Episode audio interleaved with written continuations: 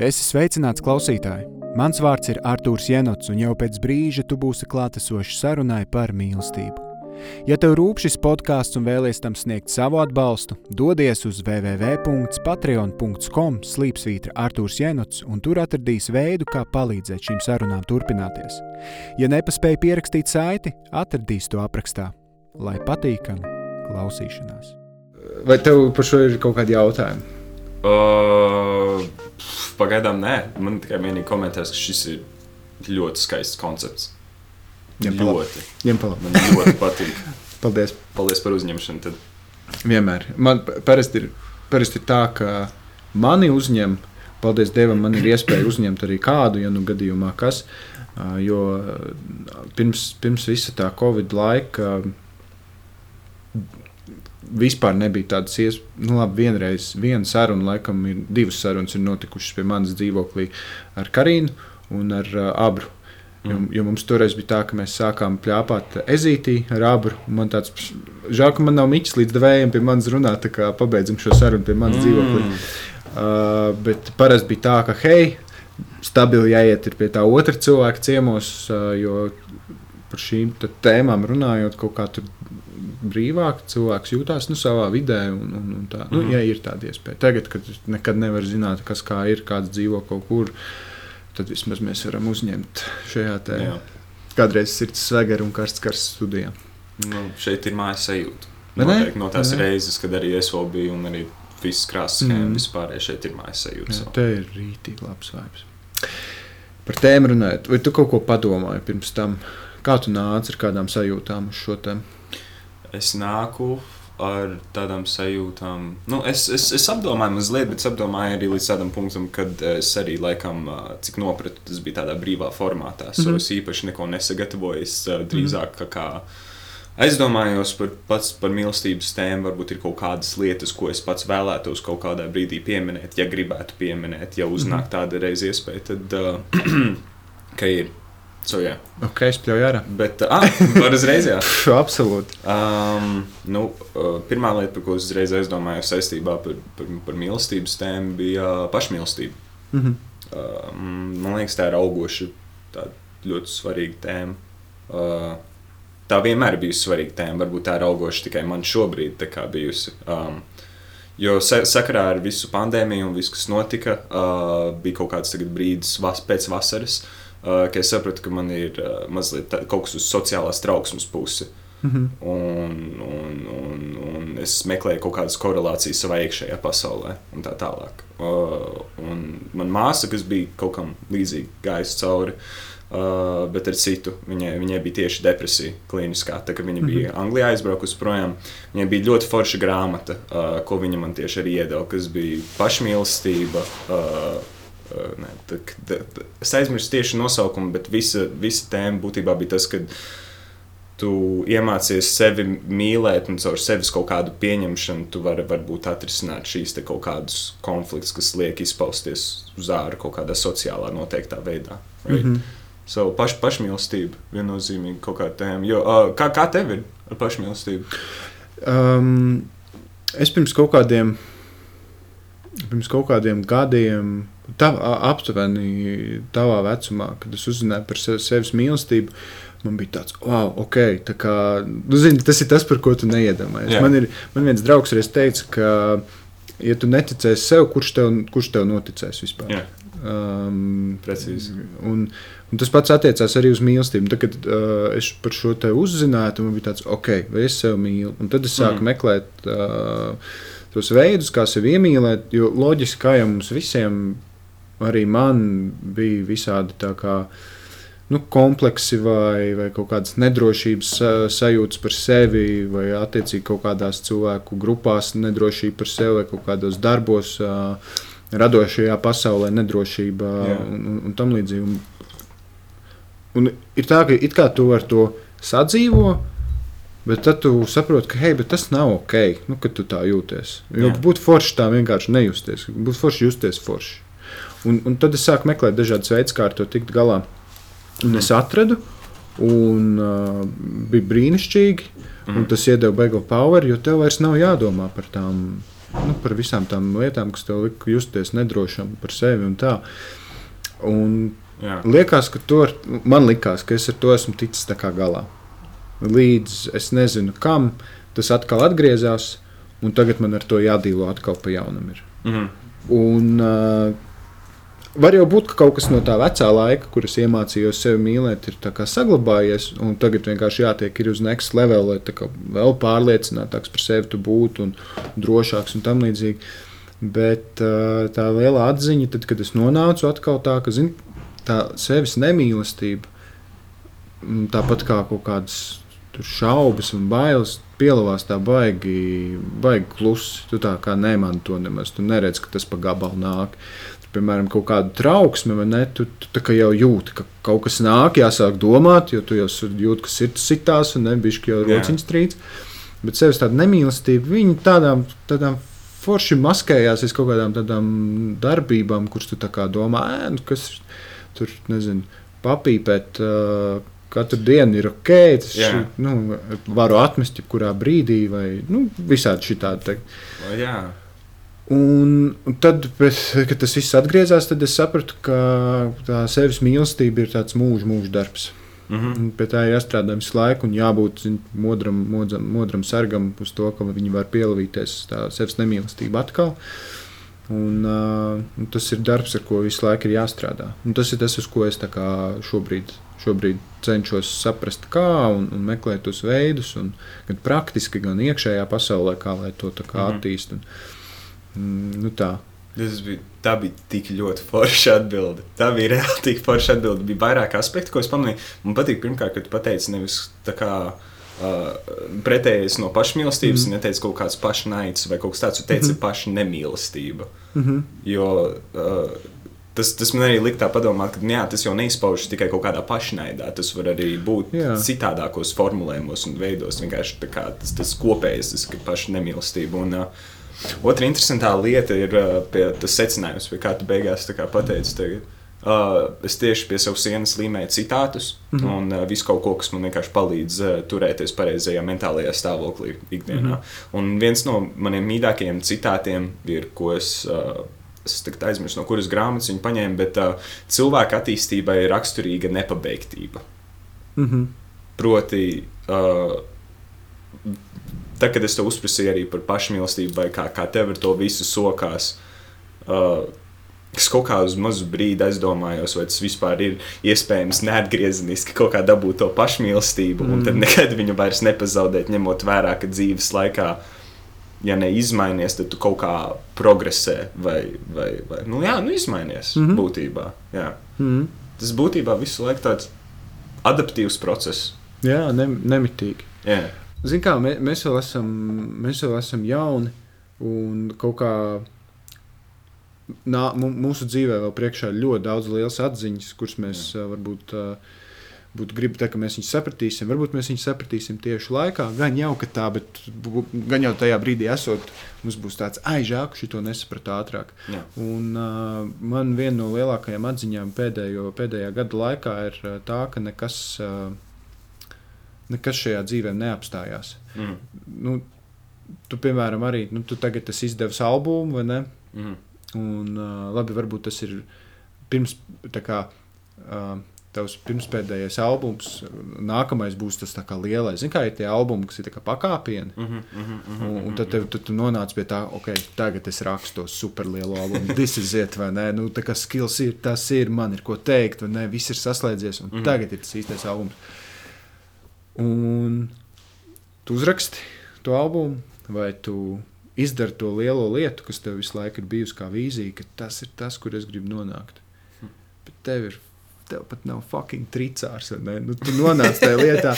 Nu, šīs ir tās laimīgās beigas. Tas ir tas, kur tas varonis, tu kā varonis, esi nonācis līdz tai lietai, ko tu esi gribējis sasniegt. Tu viņas izdarīsi, un liekas, šis, šis ir tas laimīgais brīdis dzīvē. Nu, tā kā this is it. Hmm.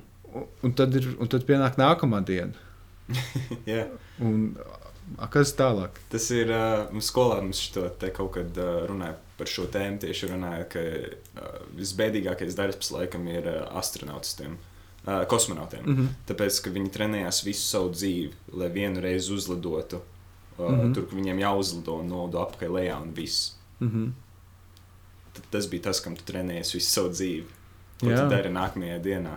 Jā, jā. Uh, bet uh, es nezinu, vai pat varbūt ir iespējams nonākt līdz tādam brīdim, kad tu esi tā līdz galam priecīgs. Nu, I mean, ar, ar, ar kaut ko sasniegšanu. Mm -hmm. Jo, nu, Jā, jā. You know, Tāpēc, ka dzīve vienkārši neapstājās. Tu izdari Jā. to vienu. Nav svarīgi, vai tas ir ģimenes izveidošana vai kaut kāda projekta izdarīšana. jā, kaut kas precīzi. pienāk nākamā diena, un titru nav. Jā, tas Un tā. tev ir jāmauc tālāk. Nu, what's next? Mm Un uh, viss turpinās. Nu, tas pats ar sevis mīlestību. Nu, tu iemācies to lietu, nē, tā kā -hmm, mm -hmm. rītdien tev tas ir atkal jādara, un parīt atkal jādara. Un, un uh, skaidrs, ka cilvēks savas dzīves laikā ir tie kritumi atpakaļ. Nu, tu, kā, es nezinu, pēc, man gan jau būs kaut kāda ļoti vērtīga atziņa pēc, pēc pieciem gadiem, šo posmu atskatoties un par to sevis nemīlestību. Ka, hei, man vajadzēja atkrist atpakaļ šajā mm. -hmm. procesā, sevis mīlestības, lai saprastu, ka man tas ir jādara katru dienu. Mm -hmm. Jo Mhm. to var arī pazaudēt. Es nezināju, ka to var arī pazaudēt. Mm. -hmm. Un šis, šī mācība lielā man, man būs iedavusi nu, to, to sitienu, ne, kas man, kas man liks izdomāt, kā to darīt praktiski, kā to mm, padaisīt par ieradumu, lai tiešām par to nav jādomā. Jā. Un ieradumu visu dzīves garumā. Man liekas, tu arī vari pazaudēt to pašmīlestību, vai arī pat nepamanīt to, ka tu viņu pazaudējis, vai ka tev viņas nav. Mm -hmm. Jo tu forši piemēri, kas tu minēji, bija uh, smēķēšana. Neforša, neforša, forša piemēra. Mm. Mm. Uh, man, piemēram, pašam ir ar uh, pīpēšanu nu, rīktīgi, nu, rīktīgs struggles. Man tikai 22 gadi, kas, mm. kas ir stulbi. Tas ir ļoti stulbi. Uh, un uh, kā ir sanākusi sakritība. Um, Es esmu tieši līdz šim brīdim, pa pagājušo gadu, ļoti daudz domājis, ka varbūt tā ir kaut kāda neapzināta pašnemīlestība. Proti, ka uh, varbūt es pīpēju no tāda rakursa, ka ķipa, tu neesi pelnījis varbūt to un to un to rekursu rindu, ko tu pats sev ievaro. Jo ne jau tu esi stulbs, kad tu esi Mhm. pīpētājs. Tu zini to, ka tā rinda, tu zini tas, ko tu dari, ir slikti. You know? Mhm. Un varbūt tas no kaut kādas tādas perspektīvas viss bija. Un līdz uh, šai pagājušajai sestdienai, kad mēs ar mani draugu izlēmām, ka you know, mēs pamēģināsim vienkārši atmest. Mm. -hmm. Mēs pamanījām to, ka kaut kāda daudzuma samazināšana personīgi man nestrādā, viņai strādāja mazliet vairāk. Bet rekur kopš šīs sestdienas mēs vienkārši pamēģinājām visu. Mēs tagad to visu nometām malā, redzēsim, cik ilgi mēs varam izturēt, un tad vēl vairāk izturēt. Mm -hmm. Es nezinu, kā ies. Bet varbūt tas ir kaut kāds pirmais solis uz to, ka tu saproti, ka vienkārši varbūt pietiek, kad, kad you beat yourself up about something. Mm. Pats jau piekāpj par lietām. Nu, tas, tas man šķiet ir jautājums katram pašam, jo tu iepriekš pieminējies par to, par to pretstatu, mm. Nav jau tā, ka tur naids pret sevi ir, ir tā uzreiz tā pretstats. Nu, tas ir tāda lieta kā naids pret sevi, ne? Mhm, Bet nu, nav mhm. tā, ka tā ir uzreiz tas pats, kas nemīlestība pret sevi. Nu, Jā, Tā ir tāda baigā sevis pāri darīšana, bet nu, tādā brutālā veidā. Nu, jautājums, kā, kā tas izpaužās. un tā. Bet tas nu, nu, ir dzirdēts, protams, ka cilvēks saka, ah, man besīk, ka es esmu šitāds. Te, nu, tas ir tāds Mhm. uzbrauciens, vai ne? Pats pašam sev virsū. Vai kā, ah, nu es jau esmu neveikls, es kā esmu tīzls vai, ne, vai kaut kas Mhm. tāds. Nu, tas ir tāds uzbrauciens, tāda kaut kāda naida, minimāla kaut vai izpausme. Vai, vai smēķēšana ir. Mm, Ir, protams, vērts, man liekas, parakties tik dziļi un, un, un atrast to atbildi, jā vai nē. Vai smēķēšana ir kaut kāda šī naida izpausme pret sevi un indēšana sevis, vai tas ir vienkārši. Kā lai. Tāda tā kā. Varbūt nevīžība pret sevi nebūtu īstais vārds, jo. Nevīžība. Um, Tev ir, respektīvi, tev ir iedots šis ķermenis, vai ne? jā. Brī, brīnišķīgs mehānisms, brīnišķīga mehāniska būtne, vai ne? Mhm, Uh, un, un tu vari darīt, ko tu gribi ar viņu. Un uh, tu vari viņu pakļaut visau, vis kaut kādiem procesiem, un uh, daudz no tiem procesiem ilgtermiņā viņam nenodara neko baigi labu. Uh, Labi, laikam bija jau pat elpošana, kā process, neko baigi labi nenodara ilgtermiņā. Bet uh, Nu, ir kaut kāda kā neelpot. jā, jā. Bet, bet, piemēram, smēķēšana ne, ir ilgtermiņā nodara uh, krietni sliktāku lietu nekā, nekā elpošana. vai ne? Jā. Nu, Nu, jā. man, man vienkārši šķiet, ka.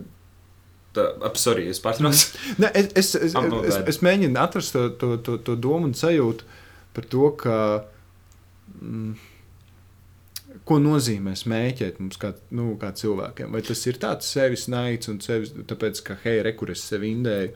Jo drīzāk kaut kāds. Ot, Kaut kāds, labi, arī varbūt arī kaut kāda heroīna lietošana nav gluži tas, ka, jo, jo cilvēks grib sev indēt, tad viņš reāli sev burtiski arī nodarīs sev pāri kaut kā. Bet, Drīzāk- tur ir faktori kā bēgšana no pasaules. Sorry, es atvainojos. Jā, jā, es, es, Jā, tas man, man, man šķiet, ka tā beigas, nu, ka kaut kādā heroīnas rītīgi heavy piemērs, bet uh, ka, ka, Jā. nu, tā ir kaut kāda bēgšana no realitātes, vai ne? Ir, jā, noteikti. Tas ir tas, ko mums arī uh, mācīja gan filozofijā, psiholoģijā, vēl neesam mm. mācījušies par to, bet tas ir uh, antropoloģijas, arī kaut kāds filozofiskas antropoloģijas jautājums. Bija tie vairāk veidi, kā cilvēki samierinas ar kaut kādām lietām. Ir uh, bēgšana no realitātes, ka tu vienkārši ņem darīt ko, kas tev uh, palīdz nedomāt par visu, kas notiek apkārt. Jo, proti, tā, ka tu arī aizies iedzert ar draugiem, tad pēkšņi nesāks domāt par pasaules stāvokli šajā pašā mm. brīdī. Tu domās par to, ka tu gribi vienkārši atpūsties. Tu nedomā arī mm. obligāti tajā brīdī, kad tu bojā sev kaut ko. Un, un tas, un ar to sakot, līdz ar to sakot, es nedomāju, ka tā ir slikta lieta obligāti katru reizi, ka tā bēgšana. Mums visiem vajag atkāpties mazliet, right? bet jautājums, uh, kad viss nav melns un balts, ir arī kaut kāda gradients pa vidu visam tam. Mm. Right? Pārsvarā visam, jā. Ne, visam noteikti. Mm. Es, es nezinu, nevienu lietu, kas būtu tikai melns un balts, ja godīgi. Jā, Bet melns un balts nav melns un balts tikai. jā. nu, tur, tur jau tā lieta, jā. Nu, tas gribētu. Man šķiet, ka mums gribās, lai ir tā, ka ir melns un balts, jo tā būtu rītīgi vienkārši. Tas būtu vienkārši. Bet ne, jo, mums, kā mums tās smadzenes arī ir izveidotas tā, lai mēs, mums vajag. Uh, Mums vajag saprast lietas, un, ja mēs nesaprotam mm -hmm. lietas, tad uh, mēs mokam sevi. Un, un, vai vispār nekādu, nu, es nezinu, nu, cilvēks jūtas nost, ja viņš nesaprot. Jā. Mm, Mēs redzam kaut kādu dabas parādību, kur mēs pirms tam neesam redzējuši. Mums vajag izskaidrojumu šitam. Smadzenes neļauj uh, neatrast izskaidrojumu šitam. Tam. Jā, noteikti. Tāpēc, es arī uh, līdzīgi par to albumu, ko es arī izdevu, tā visa tematika, kas man bija, eh, man daudz grozījās galvā tāda ideja, ka. Uh, Nu, ne ideja, drīzāk secinājums, ka cilvēks ir jēgu meklējoša būtne. Gan jēgu meklējoša, gan piešķiroša būtne. Mm. Proti, uh, um, kaut vai kopš seniem laikiem, kad bija vis kaut kādi rituāli vai kaut kas tamlīdzīgs, kad mm. mēs izdarījām to un to, un lietus beidza līt. Rekur, tā tad Jā. Sakatība. Jā. Makes sense, right? Jā, jā. Un, un, un līdzīgi, man liekas, ir joprojām līdz šai dienai, varbūt ir netik ļoti uh, uz deguna piemēriem. Es, šo, es nezinu, kurš šobrīd varētu kā, kaut ko izdarīt, beidzas lietas, un pieaugušs cilvēks pasakā, tu redzēji. Mm. -hmm. Tu redzēji, ko es izdarīju. Mm -hmm. Bet uh, man liekas, mēs joprojām piešķiram jēgu. Pieņemsim, atgriežoties pie tās smēķēšanas kaut vai pašas. Um, ja tā nav kaut kāda apzināta sevis paša nemīlestība, tad man vismaz tā bija uh, mirklis, kad uh, atvilkt elpu. Ironiskā kārtā. Mm. Ļoti ironiskā kārtā. Mm. Bet, um, kad tu vari vienkārši ap, apsēsties mazliet nostāk arī. Mm. Vienkārši padomāt mazliet pie sevis. Tas nebija obligāti doma, ka tagad es laižu žīnu savā ķermenī. Bet, nu, Nebija. cilvēks jau neapzinās savu mūža laikā bieži vien to, ka viņam, tā kā tu teici, ir šis ķermenis un viņš tikai viens. Mm. Mēs nedomājam par to. Nu, man, šķiet, man šķiet, ka mēs jau zinām, nu, redz, tur arī smēķēšanu. Tu zini, tev ir izskaidrojums, kāpēc tu to dari. Jo, piemēram, šis atvilkt telpu vai padomāt uh, par, par kaut ko vai ne pie, pie, pie smēķa, uh, neizklausās pēc attaisnojuma. Tas mm. -hmm. izklausās pēc, uh, pēc procesa. Kurš uh, ir, iestrādājies kā ieradums, un, un vienkārši Jā. mēs tā jūtamies. Tas ir brīt, brīdiņš, kad mēs jūtamies labi. Par spīti tam, ka mēs darām kaut ko sliktu tajā brīdī savam ķermenim. Mēs vienkārši tas tiešām ilgtermiņā tikai nodara kaut ko, vai ne? Mm. Nu, jūtam. Skaidrs, ka tur ir viena cigarete un, un, un, un tev plaušas ir pilns ar dūmiem, un kas tur vēl. Skaidrs, ka tas arī īstermiņā var teorētiski vajadzētu just arī tādu, bet nu, skaidrs, ka mēs to nejūtam. Es, uh, bet uh, par to turpinot, uh, pirms pirms fucking četriem gadiem iznāca vienmēr sev albums. Tur mm Mhm. -hmm. ir tāda dziesma, naglas. Un, uh, Un tā dziesma ir par to, par to ka mēs dzenam visu laiku sevi iekšā naglas, mm. uh, kas ir smēķēšana, alkohols un uh, kaut kāds varbūt narkotisks vielas.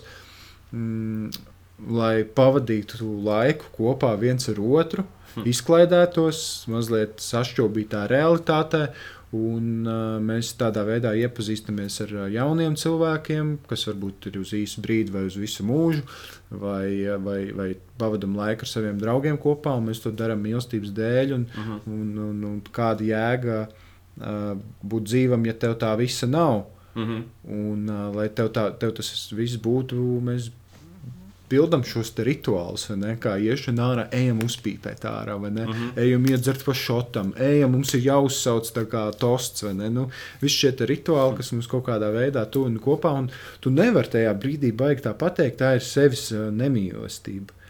Yeah. Mm, tā nīpat laikā tur, protams, ir pretruna, jo tas bendē tavu templi. Bet tas uzreiz var poētiski palūkoties to visu. Tu bendē savu templi, lai pavadītu laiku ar kādu. Jā, nu, templis arī, nu, kā tu uzbūvē templi vai ne? Nu, viņš saglabāsies. Pirmkārt, laiks viņu nobeigs jebkurā gadījumā, Jā. agri vai vēl. Bet loģiski viņš saglabāsies vislabāk, ja tu nelaidīsi nevienu iekšā. Bet nafigā mums tukšs templis vajag. yeah, jā, jā. Exactly.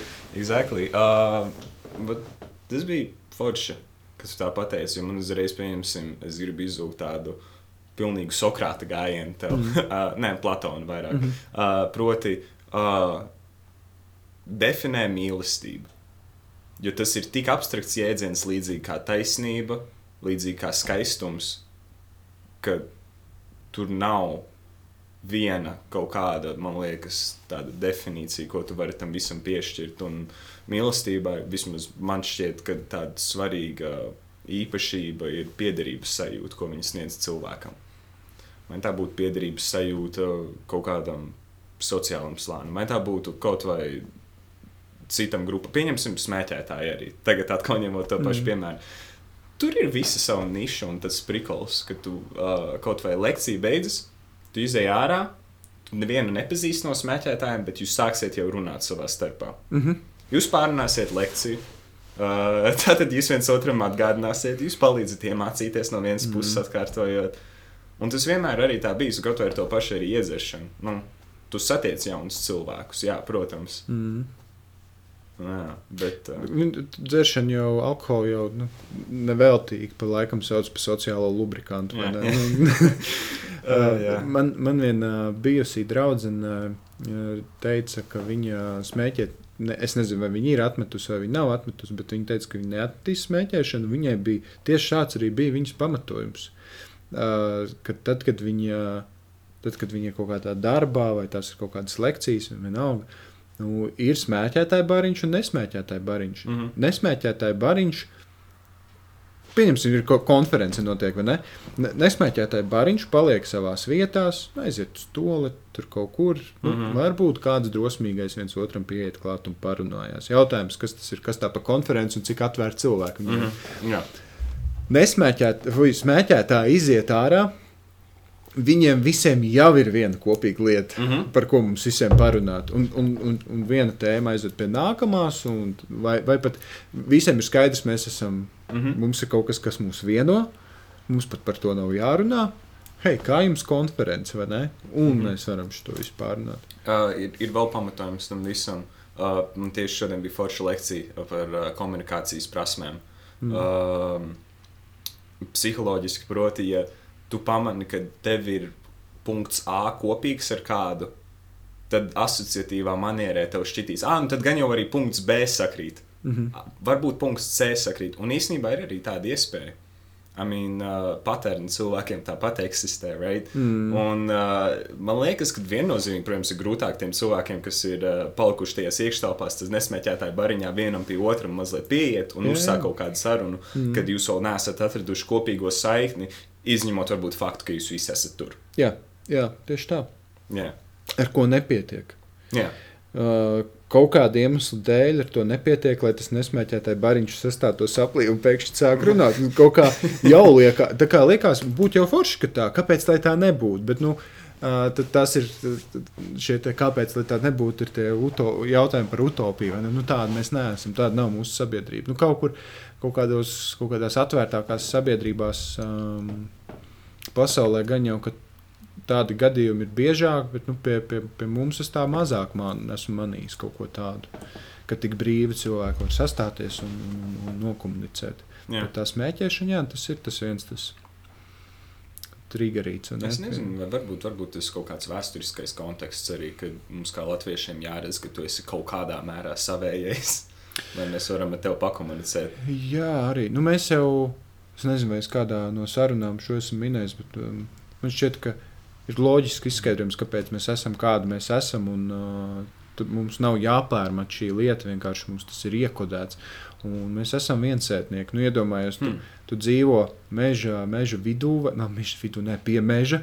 Tev ir sava saimniecība, ja tur gotiņas un tā, sen, sen atpakaļ. Ja, kaut kādā mm. laikā pieņemsim, ka karš nav.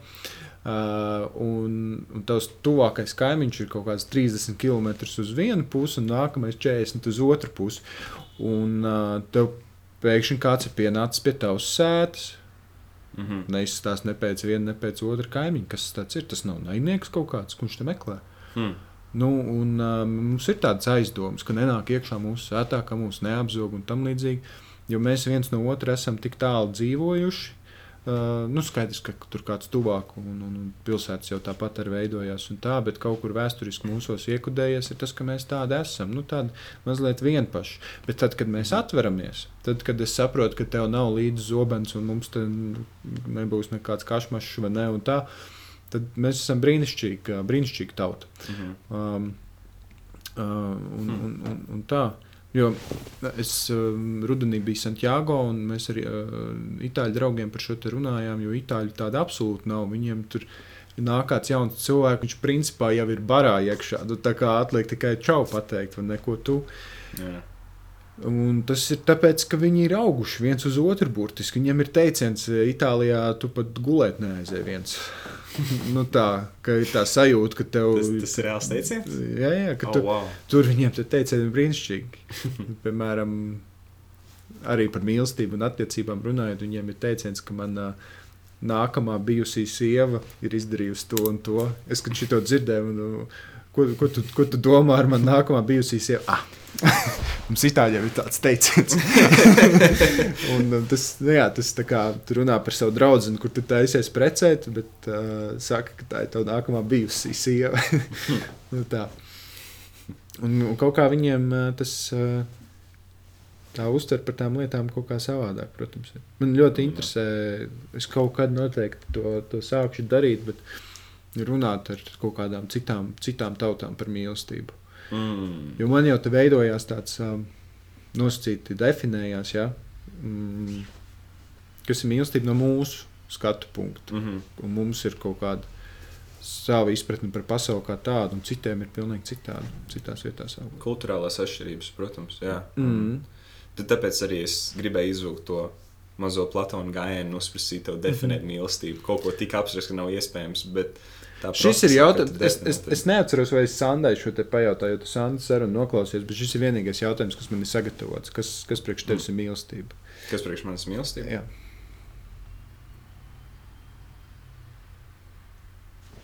Hmm.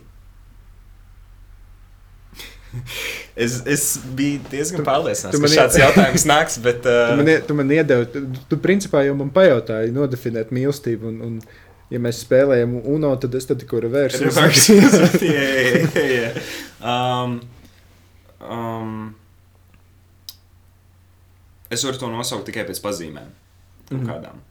Um, tā ir piederības sajūta priekš manis pie kaut kā. Pieņemsim, uh, runāju arī plašākā mīlestības jēdziena nozīmē. Es nerunāju tikai kā es mīlu savu draugu, pieņemsim, vai Jo tas nav tas pats, kā es mīlu savu mammu.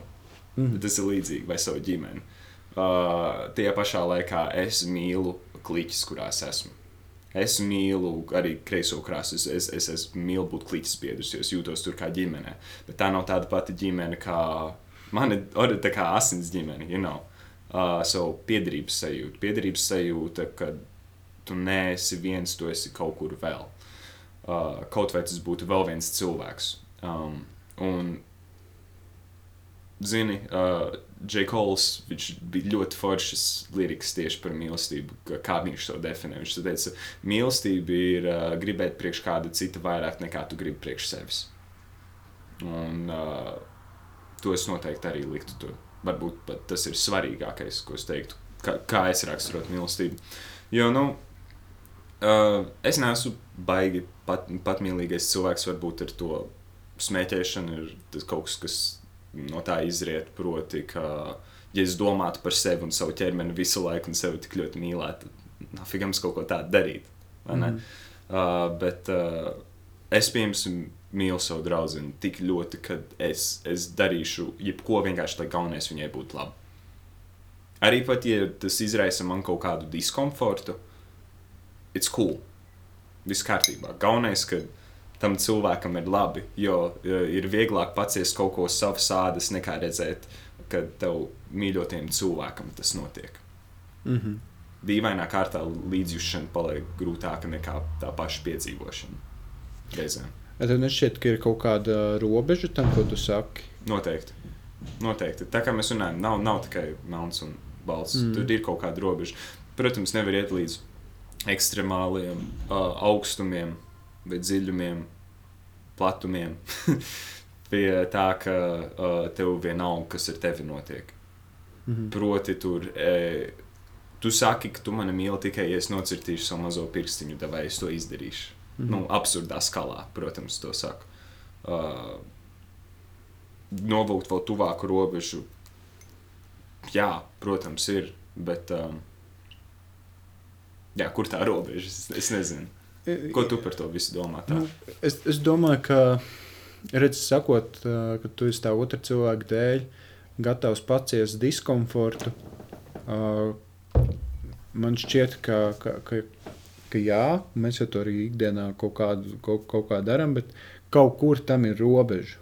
Jā, Tāpēc, ka mm, nu, mums jāmīl arī sevi un kaut kādas lietas. Uh, ir kaut kādas lietas, kuras mēs, mēs šeit nevaram. Nevaram nevis atteikties otru dēļ, bet. Zini, ir, ir cilvēks, cilvēks ir tāda būtne, kas diskomfortu var panest tādā patīkamā veidā. mm -hmm. Nu, piemēram, aug, augsta duša vai ne? Diskomforts, kas nu, nu, nav viņš kā. Nu, viņš ir diskomforts un liekas, kāpēc lai, tas kādam patīk, bet cilvēkiem patīk augstās peldas un augstās dušas. Un man šķiet, ka tas arī sakot, ka, ka mēs esam citu dēļ gatavi kaut ko paciest. jā, Ka tam diskomfortam ir kaut kāda robeža un ir kaut kāds tas diskomforts, kas mums liekas paciešams un patīkams. Nu, jo kaut kāds iegūms gan jau tam ir. Jā. Tu pēc augstas dušas arī jūties brīnišķīgi. Nu, tur, piemēram, es nezinu, mēs esam ie, ie, iegulušies gultā, iesim gulēt. Um, es jau esmu jau iekārtojies, vai ne? Un tā viss tā kā ir izdarīts. Zini, mums katram ir, zini, ka kaķi tur apmet sešas sāpes un, un noguļās. vai ne? Nu, Jā. ka mums ar cilvēkiem man šķiet, vismaz man tāds arī ir. Tur iekārtot spilveni, tur tā, tur sēž ielikt tā starp kājām un tā tālāk. Esmu gatavs aizmigt. Un tā otra puse tev saka, Klau, vari man atnest, lūdzu, tā kā, nezinu, whatever, salvetes, ne? Jā, jā, jā. kaut ko atnest. Tas cilvēks, tu zini, ka tas cilvēks varētu pats piecelties un to aiziet izdarīt. Mm -hmm.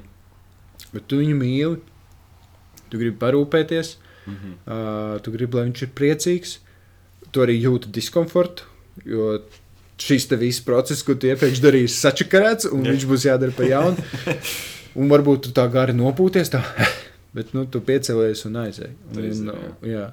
Un, un tas ir tie, tie diskomforti, kas man šķiet uz savas ādas ir ļoti ērti panesami nosacīti. Bet ir kaut kādi, kas man šķiet nav.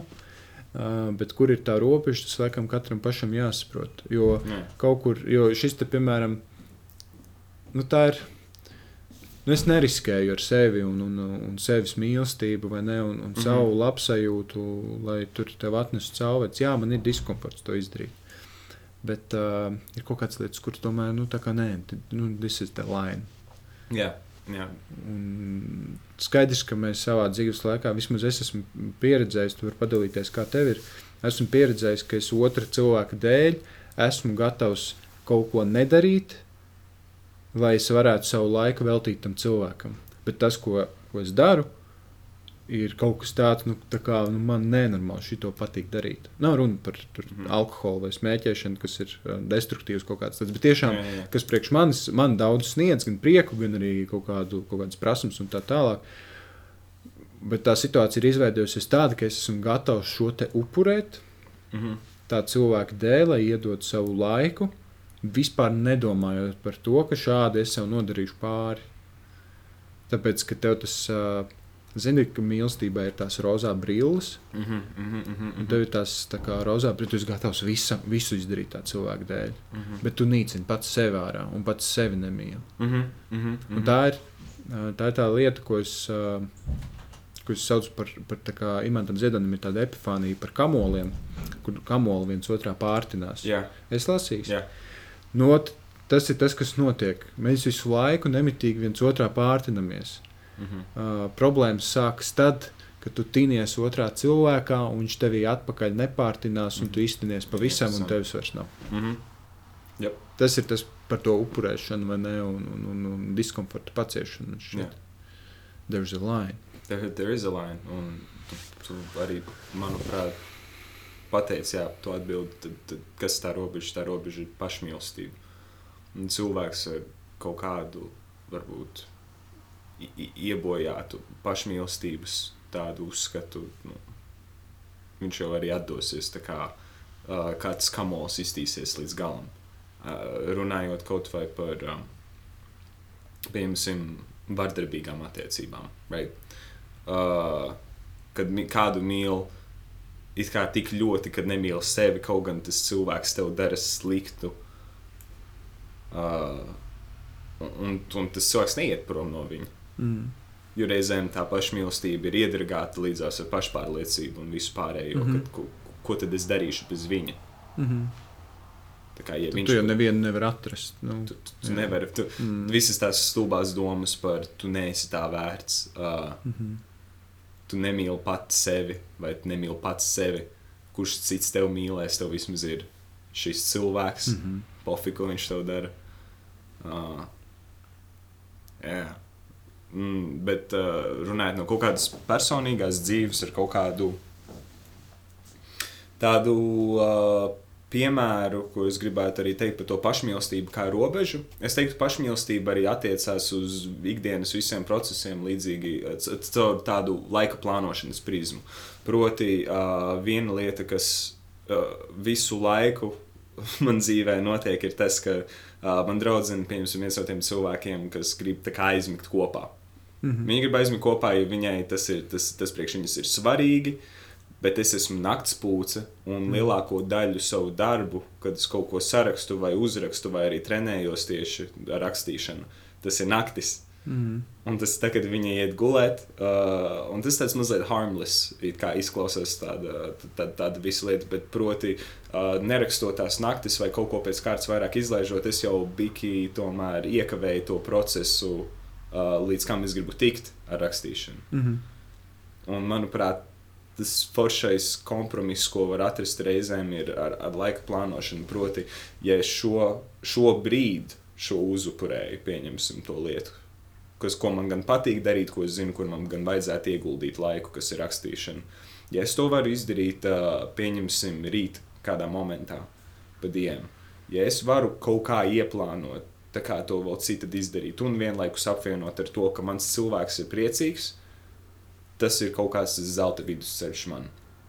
Tāpēc, ka uh, ir grūti arī ikdienā jebko darīt, kad cilvēks, ko tu mīli, vai cilvēki, kurus tu mīli, uh, ir nelaimīgi ar kaut kādām tavām pieņemsim, izvēlēm.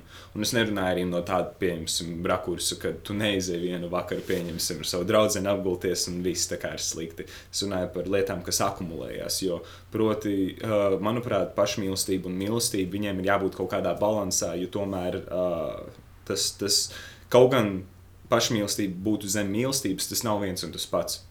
Mm. Proti, uh, tu vari pārāk daudz laika ieguldīt pašmīlestībā un tādējādi uh, nonicinot kaut kādu mīlestību. Right? Tu vari pārāk daudz ielikt uh, mīlestībā uh, un tādējādi neielikt, neielikt neko pašmīlestībā. Man liekas, tas ir tāds iņ un jaņ, kam ir jābūt balansā visu laiku cauri dzīvei. Ja, nu, ja mēs paskatīsimies vispār uz dabas procesiem, uz cilvēku procesiem, uz pil, pilnīgi jebko, kas mums ir apkārt, uh, tiklīdz kaut kas nav balansā, nu, tas ilgtermiņā nestrādās mm. vispār. Mm -hmm. Un skaidrs, jā, nu, tam šai lietai arī ir jābūt balansā, ja mēs esam izvēlējušies, ka mēs ejam arī šo te. Labi, nodalīsim to tā, lai mums vieglāk saprast, e, iet šo mīlestības ceļu pret kādu cilvēku, ne, mm -hmm. un arī sevi mīlēt tāpat laikā ir jābūt līdzsvarā starp šīm divām pusēm. Ja tu nevēlies šo mīlestības ceļu, tad, tad ir jautājums, ar ko tu balansē to sevis mīlestību. Šajā gadījumā, nu, tur, piemēram, mm -hmm. zini, man sevis mīlestība, piemēram, nozīmē ceļot. Mm -hmm. ne, tas, tas, kā es sevi mm -hmm. mīlu un tam līdzīgi. Bet, lai tu ceļotu, tev ir arī jānopelnā nauda. Mm -hmm. Tam visam jābūt liederīgam šajā sabiedrībā. Un tev tagad ir jābalansē šīs divas puses. Mm -hmm.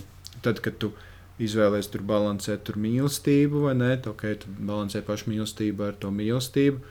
Un tu šo te balanci apli balansē ar darbu un, un karjeru. Nu, mm -hmm. nu, visu laiku viss, viss notiek tādā viens balanss, ir vēl vienā balansā iekšā, mm -hmm. un visu laiku ir balanss. Un tiklīdz kaut kas nav, tā viss jūka un brūk. Mm -hmm. uh, kaut, kaut, kaut ko tu pateici tādu, kas man likās vēl plaga tur vai kaut ko vēl pateikt. Mm. Nē, es, es modos, sešos no rīta, laikam nebūs. Viss kārtībā. bet, bet, bet jā, es, es piekrītu, tam balansam tur stabili ir jābūt. Jo, bet, ah, zini, ko tu minēji par to, par to būšanu. Ar uh, tiem cilvēkiem, kas tev dara pāri. Mm -hmm. Es, uh, es esmu redzējis vairāk šādas attiecības, un daudzas no viņām ir nu, bū, diezgan būtiski tādas ilgtermiņa bijušas. Tur entās, entās dekādas ir aizvadītas tādās attiecībās. Un tu skaties uz viņām, un tu domā, nu, kā? Nu, nu, Nu, kā tu varēji neattapties visu šo gadu laikā, ka nu, tu dari sev pāri, ne? Un tur mm. no sevis mīlestības vairs nekā nav. Un, un, un tevi līdz pat pēdējiem tur daudz tur, nu, emocionāli. Es domāju, nu, gan jau arī fiziski kaut, kaut kam, bet nu, mm -hmm. kaut kādos konkrētajos gadījumos. Un uh, man ienāca tāda pilnīgi traka, varbūt doma prātā, un tad mazliet apgrūtinoša, ka ir cilvēki, kuriem ir piešķirtas kaut kādas misijas dzīvē, un, un tas mīlestību vajag arī tiem cilvēkiem, kuriem kur ir tādi, kas dara pāri citiem. Hmm. Jo mums katram vajag mīlestību, un arī viņiem vajag mīlestību. Un pat tad, kad viņi saņem to mīlestību, ar, zem, ar to nepietiek, lai, lai viņus izdziedētu no tā visa, kāda hmm. viņi ir. Uh, neiedziļinoties, cik tas ir sarežģīts process, kādu izdziedēt yeah. ar mīlestību. Um, bet, lai viss būtu balansā, šos cilvēkus vajag, lai viņus mīl. Un, uh, un ir cilvēki, man šķiet, un šis skan pēc tāda liktenes vai ne jautājums, kuriem ir uzticēta šī misija mīlēt šos cilvēkus. Par spīti tam, ka viņiem dara pāri, ļoti ilgi dara pāri. Un, uh, Tas nenozīmē, ka viņam tas ir jādara visu mūžu. Bet es, es domāju, ka no tā var tikt ārā, ja tu pats saproti, um, ka no tā vajag tikt ārā. Tā, nu, tas ir ļoti sarežģīts ha, process. Jā, jā, jā. Vat, piekomentējot, varbūt klāt no tādas mazliet psiholoģijas puses. Mm. Psiholoģija ir tāds uh, atzars, kas uh, uztraucās nevis ar mentālajiem procesiem tieši, bet uh, ar uh, uzvedību cilvēku tieši uh, behaviorisms. Mm -hmm. uh, tur ir tāda lieta, kā, nu, kā tie visi pamati balstās uz pāris terminiem. Pieņemsim, es tev arī pateikšu, pieņemsim, tas, ko obligāti vajadzētu zināt, ir positive reinforcement, jeb uh, pozitīvs. Uh, Sauksim to atbalsts. Tas mm -hmm. varbūt nav precīzais termiņš. Un ir negatīvs atbalsts. Right? Uh, cilvēki, gribi, negribi, tomēr ir kaut kādā veidā dzīvnieciski. Mm. -hmm. Proti, tu vari cilvēkam iemācīt kaut ko caur šo pozitīvo atbalstu un negatīvo atbalstu. Proti, um, tas ir darīts ar tevi arī. Tavā dzīves laikā, skola kaut vai. Mm. Uh, tas ir tīrākais tam, tam reprezentācija. Tu uzraksti papīru, tam ir jābūt atbilstoši kaut kādiem kritērijiem, un, ja tu to izdari pareizi, tu saņem šo te kaut kādu uh, abstrakto vērtējumu, kas tev it kā nekur dzīvē nekur nerādās, bet viņš tev kā iedod to pozitīvu atbalstu, kad rekur tu esi to iemācījies. Mm -hmm. Un, ja tev ir apstiprinājuma signāls, Tas nozīmē, to, ka tev lēnām smadzenēs hardwireojas šī te, šis te process, ko tu izdarīji, lai dabūtu pozitīvo atbalstu. Un, attiecīgi, arī ar uh, negatīvu tādu atbalstu, negatīvu reinforcement, uh, tu vari noārdīt uh, šo te uh, procesu ķēdīti pa vidu. Mm -hmm. Proti, vienkāršākais uh, būtu piemērs, kā man to izteikt, ir kaut kādi cilvēki, kas dzīvo kaut kādos rajonos, pieņemsim, vai ne. E, bija, pieņemsim, tagad es biju arī jaunāks, ka tāda lieta, ka pasties uz kādu nepareizi, tu vari dabūt pa galvu. Mm. Un tu vienkārši ar laiku iemācījies neskatīties nevienam acīs. Negribu reinforcements dabūts, paskatījies, dabūju pa galvu, nekad to nedarīšu vairs atkal.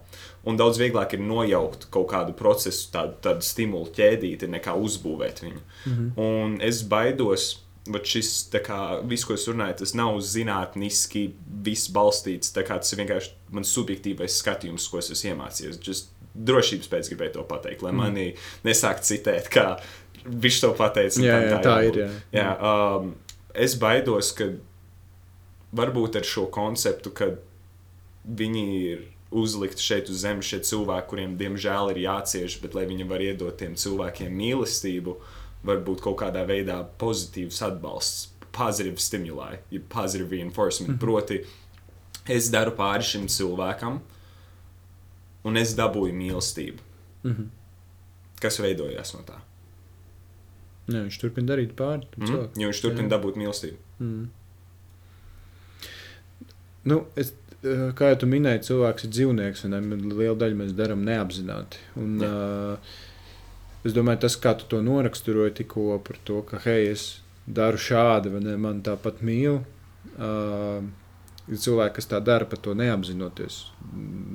Zemapziņa tā kā to jūt, hei, nekas slikts nenotiek. Turpinam darīt sūdzes. jā, jā, jā, būtībā tas, tas iemesls, kāpēc cilvēki arī dara sūdzes, tas tāpēc, ka mm. vienkārši neredz sekas. Vairāk vai mazāk, ja cilvēkam normāli funkcionē smadzenes un viņi izjūt sekas par kaut ko izdarīto, viņi beigs to darīt. Jā, jā, jā. jā. Bet uh, tur ir. Tas ir baigi, baigi sarežģīts jaut, jautājums. Es, tas ir ļoti sarežģīts. Es nezinu, kā šo risināt. Es uh, pēdējais, ko es tā kā.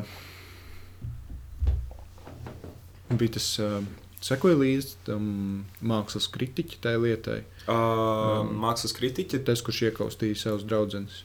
Uh, bāc, bāc, bāc, man liekas, es dzirdēju. Vienmēr sakot, bija viens, bija viens džeks, kuram uh, tas bija pagājušā gada beigās. Uh, un viņ, viņam, viņš uh, jau vairāk kārt bija fiziski, fiziski pārdarījis savām draudzenēm. Viena no tām draudzenēm bija iznākusi publiski mm -hmm. un, un pateikusi, hei, viņš tā dara, nu, ir baigi greizi. Nu, šis mm -hmm. nav baigi forši. Mm -hmm. Nu, un, un tā nebija pirmā reize, jau bija jau otrais gadījums, tāds, kas tā publiski diezgan iznācis. Un, un, es to, un es kaut kā to pirmo reizi biju palaidis garām, bet es vēroju šo, un, un protams, tur sākās Twitter tiesa tam visam. Un, nu, protams. Kas, la, cik es dzirdēju, tad Igaunijā Twitter kā tāds nav, nav baigi. Tā kā mums ir Twitter, vai ne Latvijā, tā Igaunijā tas Twitter tāds nav. Mums te, mums te kaut kāda ir tā komūna, Twitter, vai ne? Kaut kāds tas viss tāda. Tad kasīšanās savā starpā, un tur eksperti savācās kopā, lai spriestu par svarīgiem jautājumiem. Nu, tā, tādas lietas notiek. Un, uh, un es to visu vēroju, un es domāju, hei, ok, re, kur mēs uh, publiski mm, kaut kā emocionāli, nē, bet kaut kā ar sabiedrības nosodam, ar sabiedrību nosoda šo džeku, kurš es nesaku, viņš nav kā, pelnījis kaut kādu, labi, es nezinu, vai sodu, bet nu, kaut kas ir jādara ar šo te. Varbūt mm -hmm. viņš nav jāsoda, bet kaut kas ar šo te ir jādara, jo tas nav forši, ka rekurbi džeks, kurš iespaido fiziski citu cilvēku. Mm -hmm. Mm -hmm. Nav, tas nav pareizi. Tas nav forši nevienam, nevienam no iesaistītajām pusēm. Bet tāpat laikā, tā kā re, mēs norokam šo džeku internetā, nu, tas tā nestrādā. Nu, mēs viņam pirmkārt. Okay, ko mēs vēlamies ar šo te panākt? Cik Mēs linčosim Jā. šo te džeku, līdz, līdz viņš izdarīs pašnāvību. Tas ir mobbings. Jā, nu, tas ir, tā, tā, Tas ir reāli tas ir reāli. Jā, viņš ir. Cancel kultūra ir mobbings pats par sevi. Jā, jā, jā. Nu, tā kā okay, mēs viņu kancelējam, viņam nebūs darba, vai ne? Viņš tā kā. Mm, Viņš nevar iziet uz ielas, Viņš viņš, nevar nevar iziet- nekur aiziet, jo viņa seja pēkšņi visur pazīstama. Jā, tieši tā. Nu, tā kā, ko mēs ar to varam panākt? Okay. Tas man man šķiet, jau saknē, jau ir nu, pat ne saknē, bet jau vispusēji to skatoties, neiedziļinoties tajā, ir skaidrs, ka tā, tā arī nevar. Nu, tam, džekam netaps skaidrs, tam džekam ir problēmas. Mhm. Viņam ir kaut kādas problēmas, kuras nevar atrisināt, viņam sitot ar mm, sabiedrības pātagu, vai ne? Hei, tu esi slikts, vai ne? Mm, Cerams, ka sabied- nu, tas tā nestrādā. Sabiedrībai nav jābūt pātagai, kur tu sit kādu, kādam mācīt. I mean, cilvēki, kas tā dara, bieži vien viņiem ir reāls psiholoģisks problēmas. Tie, ka, pagad, tie kas uh, līdz Si- Sit, sit, tie, kas sit bieži vien, Ā, viņiem nu, ir psiholoģiskas problēmas, kas liecas uz vardarbību. Jā, jā. Un, un tas, ko cilvēki uh, nesaprot bieži vien mūsdienās, ir tas, ka, ja kādam ir psihiskas problēmas, tu mm. nevari vienkārši viņam pateikt, beidz tā darīt. Tas ir tāpat kā tad, kad Jā, jā. jūties slikti, tev pasaka, vienkārši pasmaini. Jā, come on. Tipa, viss- viss ir labi. Tas, ka tev tagad viss brūk virsū ne, un brutāli noliek no galvas līdz kājām, nu, tas nav. Tas nemainīs viņam pirmkārt uzvedību. Tieši tā. Jo uzvedība tieši ir tā. kaut kas, kas viņam ir hardwireots arī smadzenēs. Mm. Tur vajag profesionāļu palīdzību, kas reāli var palīdzēt. Kur, kur atkal ir mūsdienu viss uh, iespējas, kad tu ej pie psihologa, ah, tā tad tev ir pilnīgi čau ar galvu. Mm. Nē, tā, tā, tā ir normāla lieta. Cilvēki mm. reāli iet pie psihologiem, pilnīgi veseli cilvēki. Mm. Un tam tā ir jābūt. T- Tas ir normāli. Mm. Tā, nu, es uh, vienā no iepriekšējām sarunām minēju, ka mēs esam nonākuši tik tālu, ka nu jau paliek tīri ok, ja tu ej pie psihiatra vai psihologa. Uh, jā, psihologs. Psihiatrs ir pie- gan pie tur, psi- kur ir uh, jau uh, tādas uh, ļoti smagas Smagi, jā. uh, saslimšanas. Kad tu ej pie psihologa, jā, šos man- es arī pats jaucu šitos Mhm. mm -hmm. Kad tu ej pie psihologa, tas jau tā jau palikusi pa pēdējo desmit gadu laikā, un viss, kas ir noticis pēdējo desmit gadu laikā, šis jau ir ok, ka tu ej un dīli Jā. ar savām mentālajām problēmām. Un, uh, un man šķiet, ka tas jau iet, ka tas būs, tā būs tāda, man šķiet jau. Jau no bērnu kājas lieta, ko mēs darīsim, ka bērnam jāiet pie psihologa, un tas nebūs nekas slikts. Bērnam, kā viņam mm -hmm. arī varbūt nav nekāda slikta uzvedība mm -hmm. vai kaut kas, kas viņam, ej, šim bērnam stabili vajag palīdzību. Nē, bet tas bērns piedzima. Tas process piedzimšanas mm -hmm. ir nu, tā kā sasodīti, traumējoši. Nu, mm -hmm. Būsim godīgi. Nu, Jā. tas nav tā kā. tas ir vardarbīgi. Tas ir, vardar, tas ir brutāli vardarbīgi, un tas b- bērns to taču pieredz kaut kādā veidā, un māte arī to pieredz kaut kādā veidā. Un Tas ir galīgi greizi process, un dzīve ir uh, traumējoša jau kopš pirmās dienas, kad tu ienāc šajā pasaulē. Jā. Un uh, loģiski, ka tev smadzenēs kaut kas notiek. Un, un skaidrs, ka ne visas ģimenes ir. Nu, neviena ģimene nav perfekta. Nu, mm. -hmm. Katra ģimene savu bērnu notraumē pa savam. Mhm. Vai nu pat, ja liekas reizēm, ka hei, šis bērns ir brīnišķīgs, vai šis cilvēks ir brīnišķīgs, un re, kur viņam interesē šī lieta tik ļoti. Bet viņš, viņam tā lieta interesē tik ļoti, ka viņš ir gatavs ritīgi ekstrēmi tajā ieiet iekšā. un, Nu, tās arī kaut kā nav tas līdzsvars, un nekā, mm Mhm, -hmm, kā, kā varētu būt. T- Tāpēc, tāpēc arī es atvainojos. Jā, jā. Nē, es, es vienkārši piekrītu, ka nu, psihologi man šķiet, tagad jau ir tā kā jau norma, un, un nākotnē varētu būt, ka mēs ir. Vajadzētu būt, bet ir stigma joprojām pret to Jā, visu. jā, jā. Uh, vēl vecās paudzes ir dzīves. Jā, jā, ļoti iespējams. Latvijā vispār ir super stulbs uzskats par psiholoģiju. Piemēram, psiholoģijas zinātnē aizēja jebkurā grāmatu veikalā. Uh, psiholoģijas grāmatas būs turpat pie ezotērikas. Mm. Un, tā kā tas. tas mm. Jā, bet uh, tas, ko es gribēju arī pateikt sakarā ar iepriekšējo, ko tu minēji, bija, um, manuprāt, ja cilvēks reāli var pateikt, man viss ir kārtībā, viņš domā to lielos vilcienos. Jo cil, cilvēkam nekad nevar būt pilnībā, manuprāt, viss pilnībā perfekti. You know? mm. Tas man liekas arī attiecas uz to pašu internetu linčošanu, kas ir tā tāpat cancel kultūra. ne? Uh, Man liekas, cilvēki mūsdienās pārāk bieži piemirst to, ka viņi nav balti un pūkaini. Mm. Neviens nav. Jo tīri uh, ar, ar apziņu, ka tu pats neesi perfekts vai balts un pūkains, vai tu publiski iet un kādu nosodīt internetā. Mm. Es vispār, godīgi sakot, nesaprotu cilvēku, kas kādu nosodīja internetā. I don't know. Man, man, man tas, tas, tas nekad nepielicis. Nav, nav, nav pielicis. Bet, nu, Nu, jā, nu, Ne. Kā, kā Gerijs Venerčiks teica, ka in, internets mūs tā kā. Mēs nevis izliekamies internetā nu, par to, kādu mēs uh, patiesībā neesam, bet uh, internets mūs uh, sociālā tīkla mūs izgaismo. jā, es piekrītu tam. Tas pats arī ar pandēmiju. Mm. Jo tur ir tik jau daudz runas par to, ka, kā, ka pieņemsim, ah, cilvēki reāli mūsdienās ir tik stulbi. Mhm. Viņi, viņi ir tādi, tā, tā, tā, tā, you know, uh, cilvēki vienmēr ir bijuši gan gudri, gan stulbi. Jā. Vienkārši šobrīd ir uh, mums mīļais internets, ar kuru Mhm. palīdzību tu ļoti skaidri un gaiši vari redzēt. Ieliec vēl cilvēks super ekstremālā situācijā, kā globāla pandēmija, Mm. un paskaties, kas notiekās. Mm. I don't know, tāpēc varbūt arī uh, forši, ka bērnībā tiek atkārtots ļoti daudziem, kad uh, uh, runāšana sudrabs, klusēšana zelts. Jo uh, uh, man, man patīk klusēšana. Proti, tādā ziņā, ka uh, es, es apzinos, ka es neesmu ne pat tu gudrākais cilvēks nevienā telpā, kurā es ieeju. Mm. Un uh, man drausmīgi nepatīk kļūdīties. Tad sākas sevis nosodīšana, kas attiecīgi ir tādu, you know, pašpārliecību, tad dod kaut kādu pašmīlestību pret sevi, mm. jo tas ir pozitīvs apstiprinājums tam. Un, attiecīgi, ja es ierunājos reizēm par ātru, uh, nepaklausoties īsti līdz galam, drausmīgi slikta sajūta. Jo mm. man liekas, prasme klausīties ir kaut kas ļoti, ļoti, ļoti uh, svarīgs mūsdienās, kas netiek pietiekami praktizēts. Mēs mm. visi gribam runāt. Jā, un, un kaut kā man šķiet,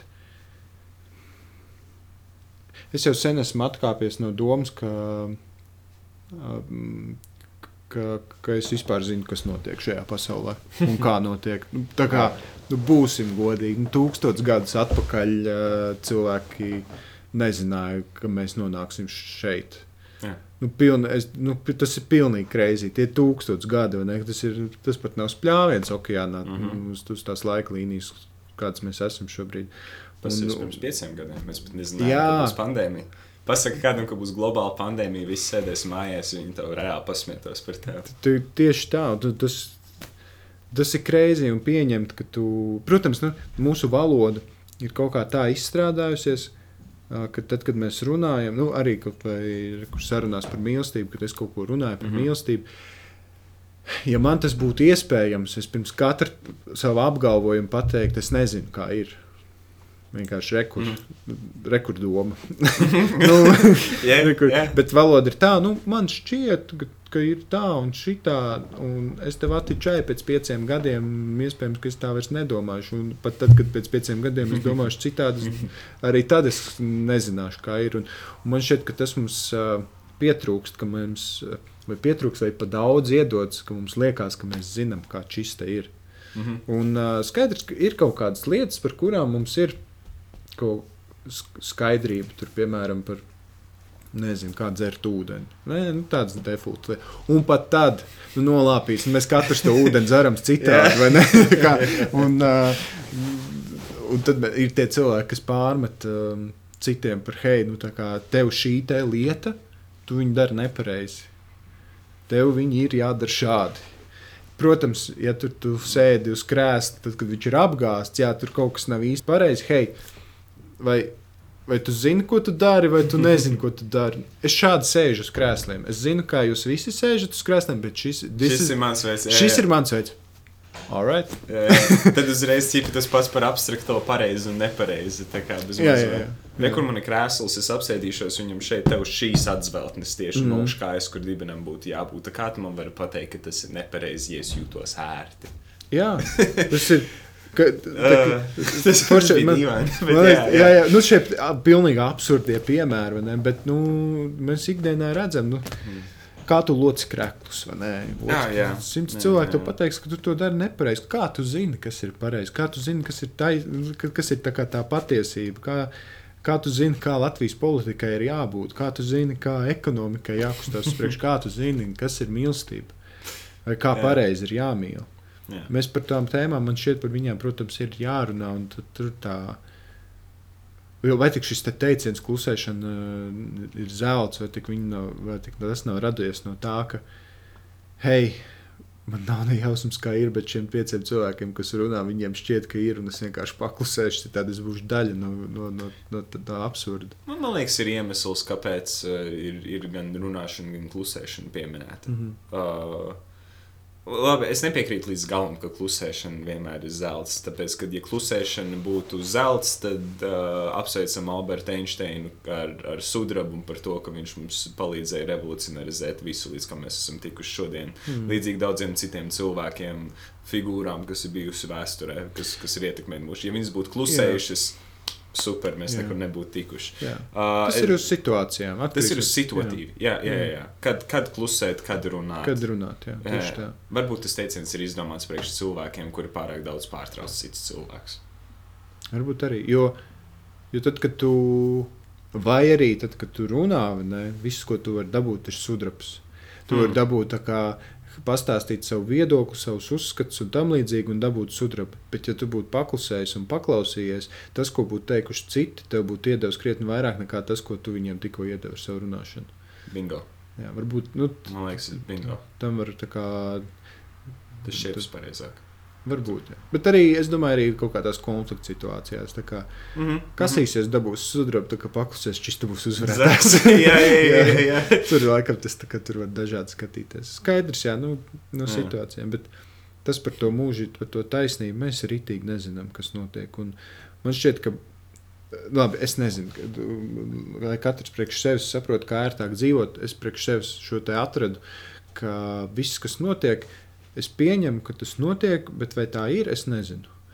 Mm. -hmm. Un, uh, ja es dabūšu priekš sevis kaut kādu absolūti sataustāmu piemēru, ka man liksies, uh, kas man apstiprinās kaut ko, man būs tāds, jā, šādi te ir. Proti, nezinu, ūdeni dzert šādi ir veselīgāk. Es dabūšu pierādījumu un sajutīšu, ko tas nozīmē, būs tāds, jā, šādi ir. Bet vai tā vajag visiem? Es nezinu. Domājiet paši, jo atklāt, tu atklāji vienu tā kā patiesību, bet tā patiesība ietver vēl daudz citas uz priekšu, kuras tev atkal vajag atklāt. Mm. -hmm. Tur, nezinu, tu dzer to ūdeni šādi, tā ir labāk. Labi, bet kā vēl var būt labāk? Tur tā lieta. Kas un- vēl ir patiesa, ja tas ir patiesa? Tur tā lieta, un, un, vai tā patiesība iztur arī laika pārbaudījumu. Jā, jā. Jo zinātnē Jā. arī tas pats, pats pieņemsim, prikals, kas šobrīd notiek psiholoģijā, ļoti raksturīgi, piemēram, mēs studējam. Mums jau pateica, jums foršs laiks, kurējais studēt. Varbūt pēc pāris gadiem psiholoģija vispār nebūs. Mēs prasām, kāpēc tā ir replikāciju krīze.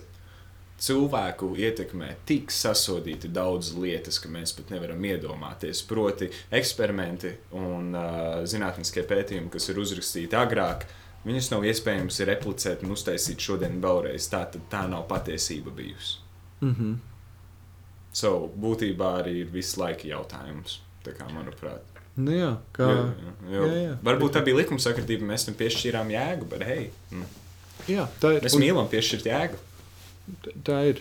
Tas ir. Nu, jo mums nevar smadzenes neatļauj neatrisināt lietas. Jā, jā, jā, ir dīvaini satisfakcijas. Jā, jā. Pilnībā. Un, un tāpēc jau mēs tā kā meklējam savu jēgu šeit dzīvē, ne? Kāpēc mēs vispār esam, kādu jēgu, kāds Mhm. toks. Mēs neredzam. Skaidrs, ka ir kaut kāda patiesība un kaut kāda taisnība par šo. Un, uh, ja mums to būtu lēmts zināt šobrīd, mēs to jau zinātu. Un tā, tā ir tāda iešana tumsā un paļaušanās, ka šim visam ir kaut kāda jēga, vai ne? Un, un, un varbūt tā ir tā jēga. Un, ja, ja tu jūties ērtā, nu, tas šie labirinti, šie te lūpi, ko smadzenes met, vai ne? Kā atrast jēgu savai dzīvei. Nu, varbūt tāpēc, ka jēgu es uzzināšu tad, kad es nomiršu. Tāda ir jēga. Varbūt ir. Jā. Un, un tu izdzīvo līdz tam brīdim. O, tas bija vat, sakarā ar to. Es, ir viens no foršākajiem teikumiem, kurus es dzirdēju savu filozofijas studijas laikā, uh, pirms es viņus pametu, Mm. mm. uh, jo pandēmija. Mm. Mm. Paldies pandēmijai. Mm -hmm. Ironiski, jā, kārtā. Bet jā, uh, foršākais, ko es dzirdēju, bija tas, kad mums ienāca iekšā viens pasniedzējs, bija pirmā diena, un kāds viņam uzprasīja, kāda ir dzīves jēga, viss kurs sāks smieties. Jo, protams, ka tas ir stereotipiskais jautājums. Pasniedzējs ar uh, dead serious, nopietnu seju vienkārši nesmējās, viss izsmējās. Viņš tāds nav jēga. Viss apklust. Mm -hmm. Kapu klusums, visi skatās, tā ir viņa profesija, viņš, tiko, viņš nejokotu par to. Mm. Un tad kādēļ mums vispār, you know, un viņš tāds nav jēga, un ļoti labi, ka tā. Mm. Jo tādā gadījumā mēs paši piešķiram tā jēgu. Man liekas, tas ir spēcīgākais, ko es dzirdēju tajā laikā. Apziņa, ka nevienmēr varbūt visam ir jābūt predeterminētam, tas ir spēcīgi. Mm. Tas, ka tu apzinājies, ka tu vari piešķirt jēgu lietām, tas ir spēcīgi. Tas, ka tu esi attiecībās, pieņemsim, vai ne? Un, uh, pieņemsim, mēs, mēs man draugi esam četrus gadus kopā šobrīd. Mums ir piektais gads, un uh, mums nav super daudz cilvēku apkārt, kas ir ļoti, ļoti ilgi kopā. Mm. Mēs arī, protams, esam jauni. Un uh, šeit tad uzrādās jautājums, kā, kā nu, pagaidām tik ilgi kopā. Jo es jūtos tikpat labi kā pašā pirmajā dienā. Un man atbild tāda, ka mana izvēle ir piešķirt jēgu šīm attiecībām. Mm. Mana izvēle ir piešķirt jēgu mīlestībai, un ka ir mīlestība starp mums. Right? Un es to izvēlos darīt. Jo um, tas, ko es izdaru no savas puses, es nedomāju par kā atbildēs uz to. Uh, jo, jo es tam piešķīru jēgas, to izdaru. Kā cilvēks, ko izdarīs ar to informāciju, ko es viņam sniedzu, vai to reakciju, vai pieņemsim, mana draudzene ar to mīlestību, ko es viņai dodu. Tā jau ir viņas izvēle. Mm. Bet tā ir arī attiecīgi mana izvēle tālāk reaģēt uz viņas reakciju. Cilvēks vienkārši ir konstantā reakcijas mutulī, manuprāt, tā kā mm. realitātē, vai ne? Bet jā, piešķirt jēgu. Man liekas, ja mēs nepiešķirtu jēgu, vai maz būtu tāda mīlestība. Kā tu domā?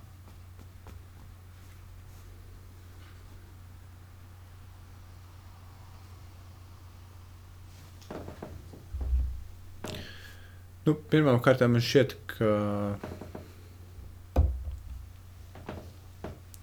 šķiet, ka mīlestībai vajag pofīgi. Hmm. Mēs, vai mēs piešķiram viņai jēgu, vai mēs viņai ticam, un tā viņi vienkārši ir. Hmm. Uh, bet tā ir arī tā, tā mana kaut kāda patiesība, kurai es šobrīd uh, baigi stipri ticu, un pagaidām es viņu nevaru apgāzt priekš sevis. Bet, zinot uh, vēsturi, es esmu dažas patiesības priekš sevis apgāzis jau iepriekš, kā, kas zina, varbūt arī šī kritīs kādreiz. Bet, uh, zini, es, es to skatos tā šī ir doma, par ko es, ko es mēģinu attīstīt un taustīties. Vai gadījumā mīlestība nav tas pats, kas Dievs. Tikai ja mēs, tikai mēs, tikai mēs šīs lietas kaut kā nodalām, skaidrs, ka tur kaut kāda saistība ir un tā, un tur cilvēki, kas, protams, tur sataust Dieva mīlestību, tur Jēzus mīlestību un tā tālāk. Mm -hmm. Bet vai tik tas nav viens un tas pats, un ja tas ir viens un tas pats, tad uh, Diev, nu, šī, šī, šī, šī enerģija, šī būtne, lai kas tas būtu, eksistē neatkarīgi no tā, vai mēs tam piešķiram jēgu, vai mēs tam ticam, vai mēs to kaut kādā veidā izjūtam un, un tam līdzīgi. Tas ir tad, kad tu sajūti pirmo reizi dzīvē mīlestību, tas ir kaut kā šķiet pat neizbēgami. Mm -hmm. Pat neapzināti, nu, bērns taču jūt mīlestību vai tās trūkumu. Nu, kaut kas trūkst. Mm -hmm. Tūkstotis gadus atpakaļ cilvēki zināja, ka viņi elpo skābekli. Mm -hmm. Tas vienkārši notiek. Un es domāju, Jā. ka ar mīlestību ir tieši tāpat. Viņa vienkārši notiek, neatkarīgi no tā, vai mēs zinām. Un skaidrs, ka tad, kad mēs par viņu uzzinām, mēs sākam piešķirt jēgu tam visam kaut kādam, jo tāda mēs vienkārši esam. Mm -hmm. Bet uh, tas nemazina to, ka, viņi ir, ka viņai ir jēga. Mm -hmm. Mūsu piešķirtā jēga viņai tik milzīgam spēkam, milzīgai enerģijai nemazina tās, tās spēku un to, ko ar to var izdarīt. Tavam, -hmm. tavam darbam, kuram tu piešķir jēgu, tas priekš tevis, tas jau ir nu, darbu. Ja tu tam nepiešķir jēgu, ne, tas nemazina tā darba jēgu. Piemēram, ja es šos podkāstus taisītu, un, un vispār tā arī bieži ir, es viņus tā taisu vienkārši, jo man šķiet, ka tas ir jādara, bet kāda tam ir jēga, es nezinu, gūda vārds, es nezinu. Mm -hmm. Un tad kāds. Uh, Tas nozīmē, ka, ok, ja es tam nepiešķiru jēgu, tad tam nav jēgas. Hmm. Un, un, uh, bet es tik un tā to turpinu darīt, jo kaut, kaut kas man uz to dzēn, pat ja es neredzu jēgu tam īsti. kā. Hmm. Un tad tev uzraksta kaut kāds cilvēks, kurš tev pasaka paldies, un cik daudz viņam šī saruna konkrētā vai vairākas ir palīdzējušas kaut ko saprast un tam līdzīgi. Un tad ir ok, tad, tad šim te bija kaut kāda jēga. Šī te cilvēka dzīvē. Jā, Neatkarīgi no tā, vai es tam piešķīru vai nepiešķīru jēgu. Un tas ir uh, man šķiet, tā jēgas piešķiršana mums pašiem vienkārši palīdz, uh, palīdz kaut kā dzīvot. Dzīvot. Jā. Tam mums vajag to jēgu, mums vajag. Uh, jo tas darbs arī, nu, kur tu dari, piemēram, ne, tu vari viņam nepiešķirt jēgu nekādu un tik un tā viņu darīt. Mhm. Tā kā nav obligāti to jēgu piešķirt, bet ir tomēr lietas, kurām mēs piešķiram. Citādi mēs nevaram. Mhm. Es vat, um, saistībā ar šo visu es pat varbūt depresiju uh, kaut kā subjektīvi. Tas ir ar, ar manu, cik maz es zinu par to visu, protams, bet es depresiju varbūt raksturotu no tā, ko es esmu dzirdējis, kā bezjēgas stāvokli. Proti, daudz cilvēki, uh, cik es esmu interesējies, uh, kam ir bijusi depresija, pieņemsim, viņi nesaka vienmēr, ka viņi jūtas slikti. Mm -hmm. Reizēm ir tāda sajūta, ka viņi nejūt neko. Mm -hmm. Un tas attiecīgi arī rodas un var rasties no, no bezjē, bezjēdzīguma sajūtas. Proti, kāda jēga kaut ko darīt. Tāpēc arī, pieņemsim, bieži vien no depresijas attiecīgi tālāk var izrietēt tādas lietas kā aizgribas zudums un, un, un vispārējais. Mm -hmm. Jo, nu, uh, tas ir brīdis, kad tev ķermenim ir vajadzība, ko tavs ķermenis zina, ka tev ir vajadzība, bet tev nav jēga, kas tev palīdzētu piepildīt šo vajadzību. Mm -hmm. So būtībā tu vienkārši paliec kaut kur. Mm. Bet, Cik es, eh, cik, es, cik es zinu, cik es esmu dzirdējis, eh, ka, ka mūsu dzīvēm eh, absolūti ir jēga. No, tā ir ezotērija, absolūti, protams. Un, mhm. un, un tā, un ka mums katram šeit ir vieta. Jautājums ir, vai tu to savas dzīves laikā atrodi, saproti. Tas nav arī obligāti jāizdara. Ir cilvēki, kas nodzīvo savu dzīvi no A līdz uh, jebkuram, kurā alfabēta burts tur var būt. Uh, Un neapzinoties, kāpēc viņi šeit ir bijuši un ko viņi ir iesākuši, bet uh, mēs jau to lielo bildi neredzam. Ne? Mēs Jā. vadām savas dzīves, ne? Un, un mēs ārpus, ārpus ieslēgtā mikrofona runājam, mēs viens otru visu laiku ietekmējam. Jā. Un uh, mēs ietekmējam. Kaut vai es nezinu, labi, Ilons Masks varbūt nav labākais piemērs, bet rekords Džeks, kurim ir baigā misija, vai ne, tur dabūt mūs uz kaut kādu citu planētu. Mm -hmm. Lai cik arī absurdi neliktos, bet mūsu dzīve šobrīd, mūsu saruna šobrīd iespaido to, kā viņam ar to veiksies. Aha. Un, uh, mēs te viens no otra esam atkarīgi, un katram mums ir sava tā misija, kāpēc mēs šeit esam. Un es ne, absolūti negribu teikt, ka mūsu misija šeit ir, lai Ilonam Maskam kaut kas izdotos. Long live Elon. Jā, tā, um, uj. Uh, tā, tā arī, protams, ka nav. Um, bet cilvēki vada tās savas dzīves, reizēm neapzinoties, to savu dzīves, dzīves jēgu. Varbūt viņiem arī nevajag. Iedomājieties, ja tu nezini, varbūt tas uh, cilvēks ir sarežģīts būtne. Nu, Reizēm egoistiski, patmīlīgi, ļoti reizēm un, un tam līdzīgi. Un uh, tad, viņu, tad tas cilvēks uzzina, ka viņa dzīves jēga ir tur glābt cilvēkus. Viņam tāds, jā, tas būs tas, tas kurš glābs jūs visus. Nu, tāda augstprātība ieslēdzās. Un, uh, tāpēc varbūt reizēm ir pat veselīgi to jēgu neapzināties. Varbūt. Jā, At, at, vienkārši par to depresijas, par to piemēru, ne, ka Jā. cilvēki tajā nejūtībā un bezjēdzīgumā, tajā stāvoklī. Nē, nē, man, man šķiet, ka eh, papildinot to visu iepriekšējo, ka neatkarīgi no tā, vai viņi jūtās, be, nu, ka viņi jūtās bezjēdzīgi, ka viņiem šķiet, ka nav jēga, tas nemaina faktu, ka viņu dzīvē ir jēga. ir jēga. Jā. Viņi vienkārši, to, jā. viņi vienkārši to nezina. Kaut kas bloķē to visu, viņiem to saprast. Kas tas ir? Tas ir droši vien individu, individu jautājums. Jā, vat, vat tieši arī šādos brīžos pieņemsim, nu, es esmu liels ticētājs zinātnē, bet pieņemsim, zinātnē tev nevar pateikt to, kas ir mīlestība tādā veidā, ka tā kā. Proti, uh, uzprasti zinātniekam, kas ir mīlestība, viņš tev pateiks, tas ir bioķīmisks process. Mhm. Protams, ir. Nu, labi, jā, Jā. viņš ir, un that's it. Protams, ka nē. Mm -hmm. Tur jau tā Tur lieta. tev zinātnē tālāk nevar palīdzēt. Jā, jā, tāpēc, ka, lo, tāpēc, ka mēs par šo runājām, šī dzīve neapstājās. Nu, yeah. nav, mēs esam tikko atraduši, mēs atradīsim zāles pret uh, visu veidu vēžiem. Mm -hmm. Nebūs titri šai filmai, būs Jā. jaunas Jā, jā, slimības, jā. būs uh, jaunas problēmas, ko risināt. Un, un visu laiku tā ir. Un tas, kas šobrīd zinātnē ir uh, šķiet patiesa, absolūti, nu, es tev atveru, nu nav, nu, nav Jā. simtprocentīgi. Nē, nav, nezinām, tāpēc, ka, tāpēc, ka arī zinātnē jau nepostulē sev kā patiesību. Tā, ir varbūtība. Piemēram, man lielākais šoks bija tas, ka uh, jā, vis, visas zinātniskās patiesības ir varbūtība. Uh, proti, uh, lai kaut kas būtu zinātnisks, viņam ir jāiziet tāda lieta, ko mums iemācīja kā falsificējumības princips. is the most confusing thing ever. Priekš mm -hmm. manis vismaz. Uh, Es sapratu, kāpēc tam ir tā jābūt. Bet, proti, uh, lai kaut kas zinātniski būtu pieņemams, tev ir jābūt iespējai to noliegt. Mm -hmm. Kas ir dīvaini. Baigā pretruna. Jā, bet, uh, bet tas, tas arī raksturo zinātniskumu, kad uh, tu vari kaut ko pārbaudīt empiriski. Tas mm -hmm. ir visu uz empiriski balstītiem pierādījumiem. Proti, kāpēc arī zinātne nekad nerisinās dieva jautājumu, vai arī zinātnieki nolieks dievu, ir tāpēc, ka tas ir absolūts arguments. Tu arī kā tu, tu nevari neko zinātniski izdarīt, lai pierādītu dievu. Mm -hmm. Tas ir, tu nevari viņu noliegt. Mm -hmm. So, tā kā tas tas pats, kas pieņemsim daudzi um, kristieši, viņa arguments, kāpēc viņi tic dievam, pieņemsim, ir, uh, uh, kāpēc tic dievam, jo tas ir rakstīts tā Bībelē. Mm -hmm. And, you know, bet uh, es to nenosodu.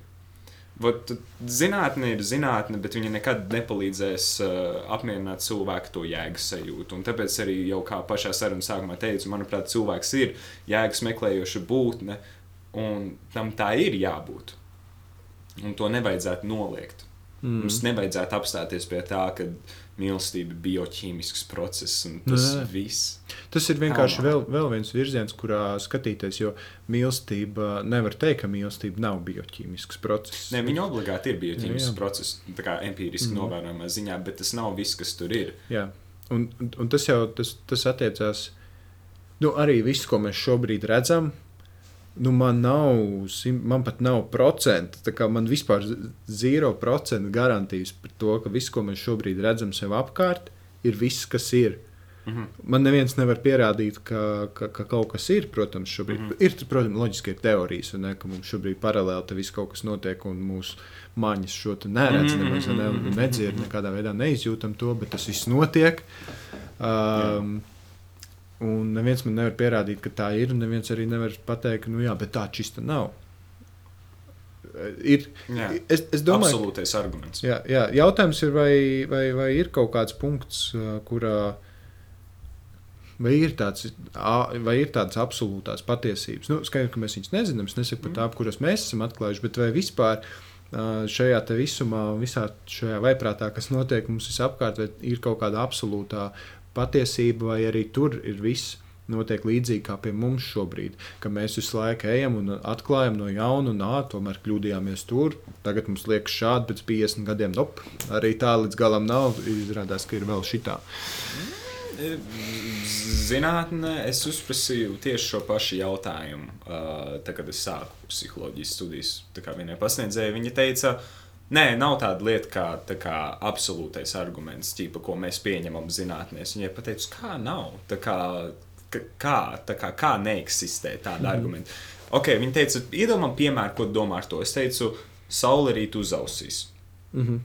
Manuprāt, tas ir absolūts arguments, tāpēc, ka saule rīt uzausīs, un tu neko nevari izdarīt par to, lai to ietekmētu. Tu kā cilvēks šobrīd.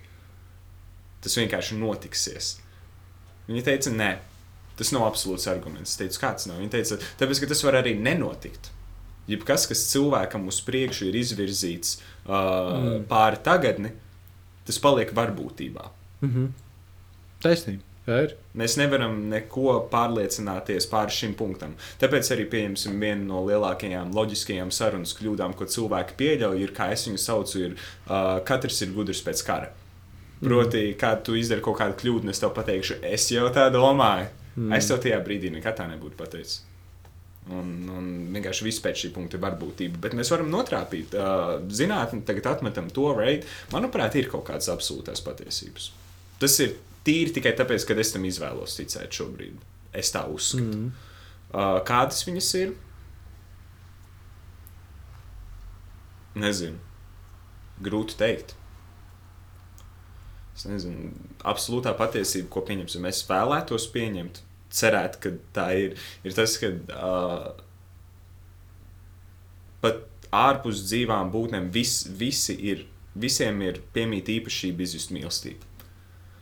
Jo pieņemsim, ka kā, tu domā, ka mēs tagad pieņemsim, ka varbūt tas sākotnēji ir cilvēkiem ekskluzīvs process, jo mēs runājam savstarpēji, mums ir valoda un tā tālāk, tā tad mums ir iespēja mīlēt viens otru. Bet tas nav arī.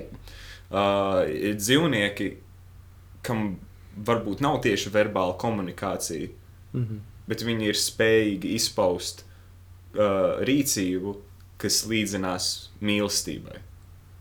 Un šeit es atkal spēlēju mazliet ar mīlestības definīcijas. To nedefinēju tikai kā uz, varbūt, es nezinu, kā to definēt īsti. Mm. Proti, um, mīlestība ir, man liekas, kaut kas vairāk. Varbūt tā ir kaut kas pat vairāk kā īpašība. Es nezinu, jo, jo, jo ja man būtu konkrēti kaut kas jāsaka, es teiktu, ka varbūt mīlestības līdzīgāk ir īpašībai kaut kādai. Bet man liekas, tas ir kaut kas vairāk par īpašību. Mēs jau ejam ļoti abstraktā teritorijā. tā ir interesanta teritorija, jo viņi var taustīties un meklēt kaut kādus pilnīgi kreizīšu, izīgus piemērus, yes. kas, kas man šķiet, ka mēs jau daudz uzzinām tad, kad mēs uh, saprotam, paga. Varbūt arī ir šitā, bet mēs to nezinām. Jā, jā, jā. Nu, arī tā mūsu uh, nezināšana, nezināšana par kaut ko jau ir informācija. Uh, un kaut kas, kur pataustīties, protams, varbūt neuzzinot to šīs dzīves laikā, bet vismaz pataustoties, mēģinot aptvert, kas šis te viss ir. Jo skaidrs, ka mīlestība nav tikai attiecības, un nav tikai attiecības starp diviem cilvēkiem. Tas ir vēl kaut kas vairāk. Mm. -hmm. Tas notiek uh, mums neapzinoties par tām lietām. Un vienkārši šīs kaut kādas attiecības starp diviem cilvēkiem, mm, vai tā ir ģimene vai, vai draugi, vienalga, ka viņas, viņas tad, acīm redzami visjūtamākās starp mums.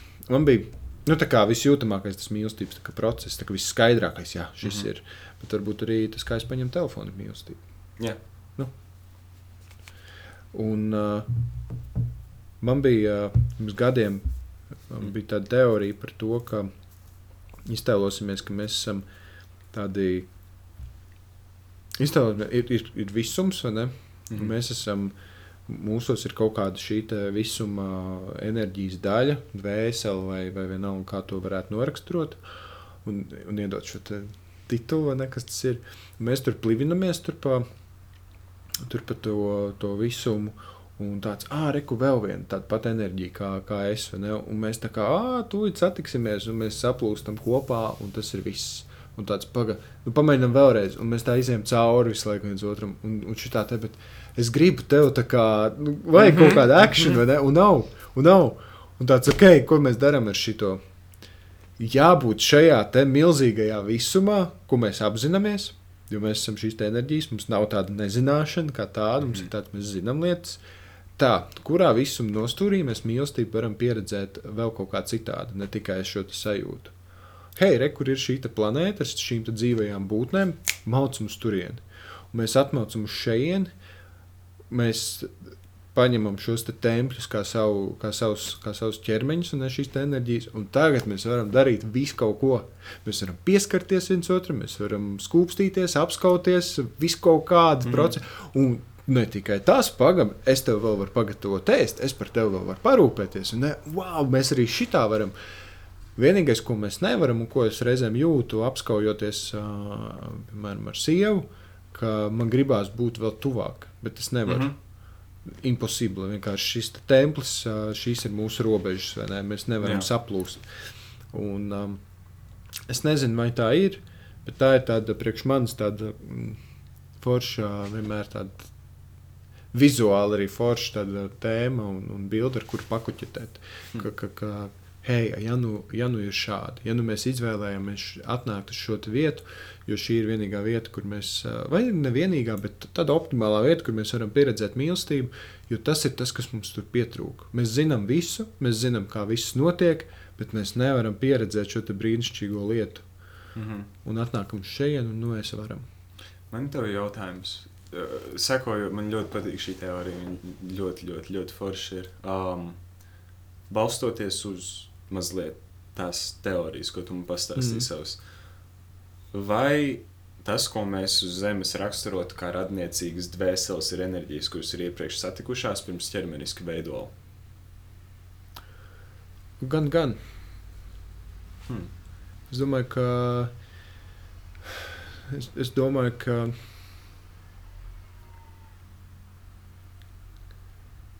Strūns par tiem ķermeņiem. Kāda starpība, ja, mēs, ja, ja, ja šīs dvēseles ir satikušās jebkādā formā pirms tam, um, viņas ir satikušās. Mm -hmm. Neatkarīgi vai ārā esot uh, no ķermeņiem vai ķermeņos. Mm -hmm. Cik es esmu dzirdējis, ir uh, tā, ka mums ir tie, tie savi dvēseli loki, Mm -hmm. kuros mēs uzturamies, un nevelti tas cilvēku lokus, uh, tuvāks vai tālāks, nevelti viņš mums ir apkārt. Ir kaut kādi tie tuvie draugi, ģimenes uh, un tam līdzīgi. Un ik pa laikam, tad, kad mēs attīstāmies uh, kā, kā, kā būtnes un ejam cauri tiem entajiem, entajiem tiem dzīves gājumiem, mums tie cilvēki mainās atkarībā no tā, cik tālu esam tikuši. Un, uh, man šķiet, ka mēs viens no otra kaut ko iemācāmies, kaut ko iegūstam. Un tad, kad mēs esam paņēmuši un iedevuši viens otram tik daudz, cik tas ir nepieciešams, lai mēs attīstītos, mēs dodamies prom. Mm. Un uh, reizēm šīs mācības un šīs kaut kādas. Tas, ko mēs dodam viens otram, nav tās patīkamākās lietas, vismaz ne ķermeniskā sajūtā. Mm -hmm. Jo tās reizēm ir tādas pāri darīšanas vienam otram un tam līdzīgi, un kaut kāda iemesla dēļ mums tas ir vajadzīgs. Un man šķiet, ka mūsu, es nezinu, it kā jau saka, ka dvēselēm sāp, ne ir tāda jocīga sevi, kaut kas Jā. tevī kārpās reizēm kaut kādās tādās nepatīkamās situācijās, bet kaut kā viņas tā trenējās un aug, man šķiet. Arī ar šīm grūtajām un nepatīkamajām situācijām. Jo tas, tas arī vesels temats ir. Vai tas, ka mēs pieredzam briesmīgas lietas, viņas tiešām ir briesmīgas lietas. Viņas ir briesmīgas, karš ir briesmīgs un, un, un sāpes, un viena otru arī darīšana pāri ir briesmīga no mūsu perspektīvas. Jā. Bet vai no visuma perspektīvas, vai tas nav vienkārši kā lietām ir jānotiek? Un, un, un mums sāp, mums negribās, lai tā ir, bet tas ir tas, kam mēs ejam cauri. Šī ir baigta traka doma, protams, par to, ka nebūs šajā pasaulē simtprocentīgi mīlestība nekad. Nu, Tad- visam jābūt līdzsvaram. Tāpēc, visam jābūt līdzsvaram, un man šķiet, ka tas ir pamatlikums, varbūt tā ir absolūtā patiesība. Ka visam jābūt Ka līdzsvaram. visam ir jā... Tāpēc, ka mēs to redzam visu laiku, nemitīgi sev apkārt, un uh, mēs to sev pierādām, tik līdz mēs jūtam, ka kaut kas nav līdzsvarā. Mm Mhm. -hmm. Daba sevi ir ielikusi tādā līdzsvarā, ja mēs pavērosim jebkādus dabas procesus, visur ir kaut kāds līdzsvars. Starp Mhm. plēsējiem un, un medījumiem ir līdzsvars. Viņiem Jā. katram ir savs skillsets, lai, lai izdzīvotu, mm Mhm, -hmm. mhm. viens aizbēgtu, otrs noķertu. Un, Un vice versa. jā, tieši tā. Un varbūt tā ir absolūtā patiesība. Varbūt. Jā. Jo, un, un, ja viss ir līdzsvarā, tas līdzsvars noteikti nav statisks. Proti, Jā. Jā. viņš ir visu laiku nemitīgā kustībā. Viņš ir kustībā, Es, es, es, jo es tā arī redzu dabu personīgi. Es redzu to kā nemitīgu pretpolu savilkšanos un atgrūšanos. Jā, jā, jā. Visu laiku. Jo arī, nu, tā kā tu paskaties, kur mums Eiropā šobrīd kari nenotiek kaut kādu labu laiku. Ne? Mm -hmm. Vēsturē diezgan daudz karu šeit ir notikuši, un tagad ir klusums. Tas nenozīmē, ka karš nenotiek. Karš mm. -hmm. notiek visā pasaulē, mm. -hmm. kurā brīdī kaut kur, uh, kamēr citur. Šis ir nav fakts. Es šo, šo es nesaku kā faktu, kamēr pie mums Eiropā notika kari, varbūt kaut kur citur nenotika, kur tagad notiek.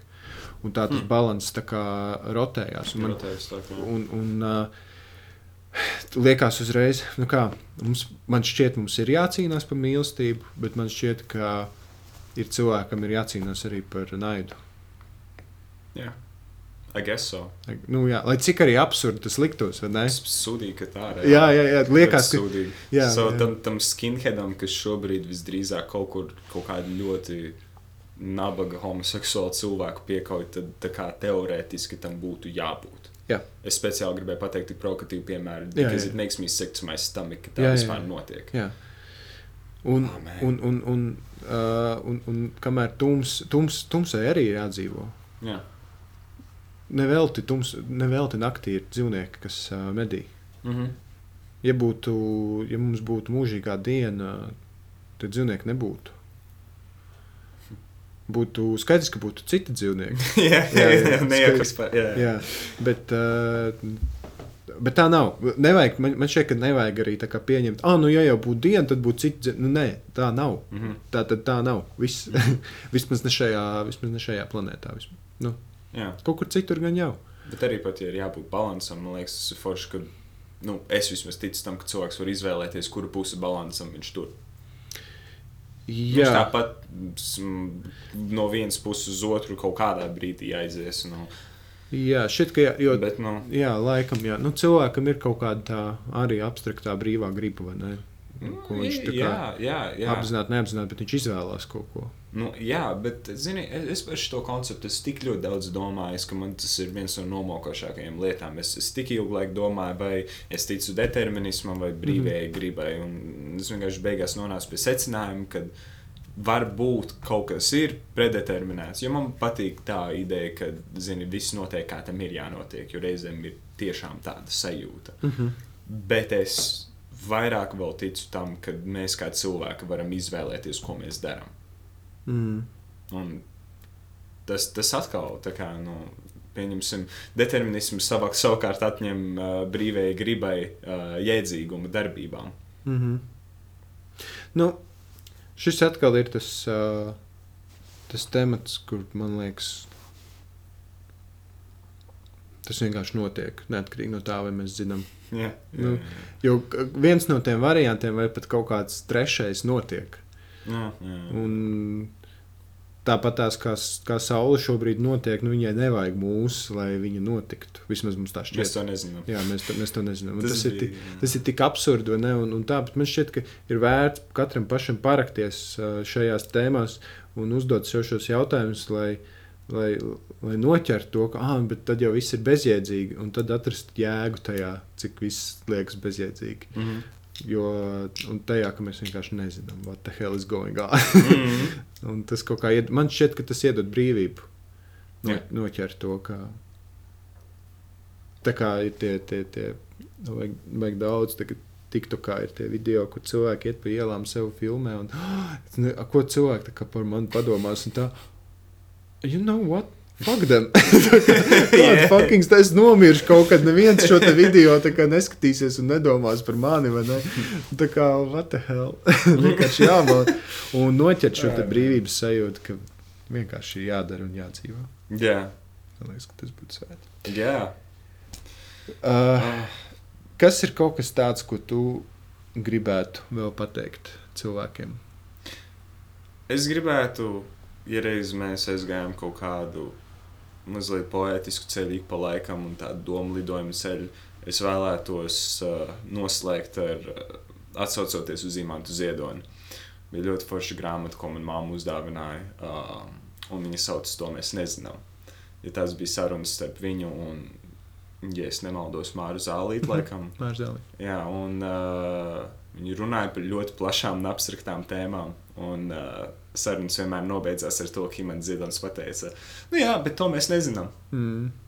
Proti, uh, ja es varētu pateikt, jebko šobrīd, tā kā mazliet, tad, tad es gribēju pateikt, nu jā, visu, ko mēs izzinājām iepriekš, to mēs nezinām.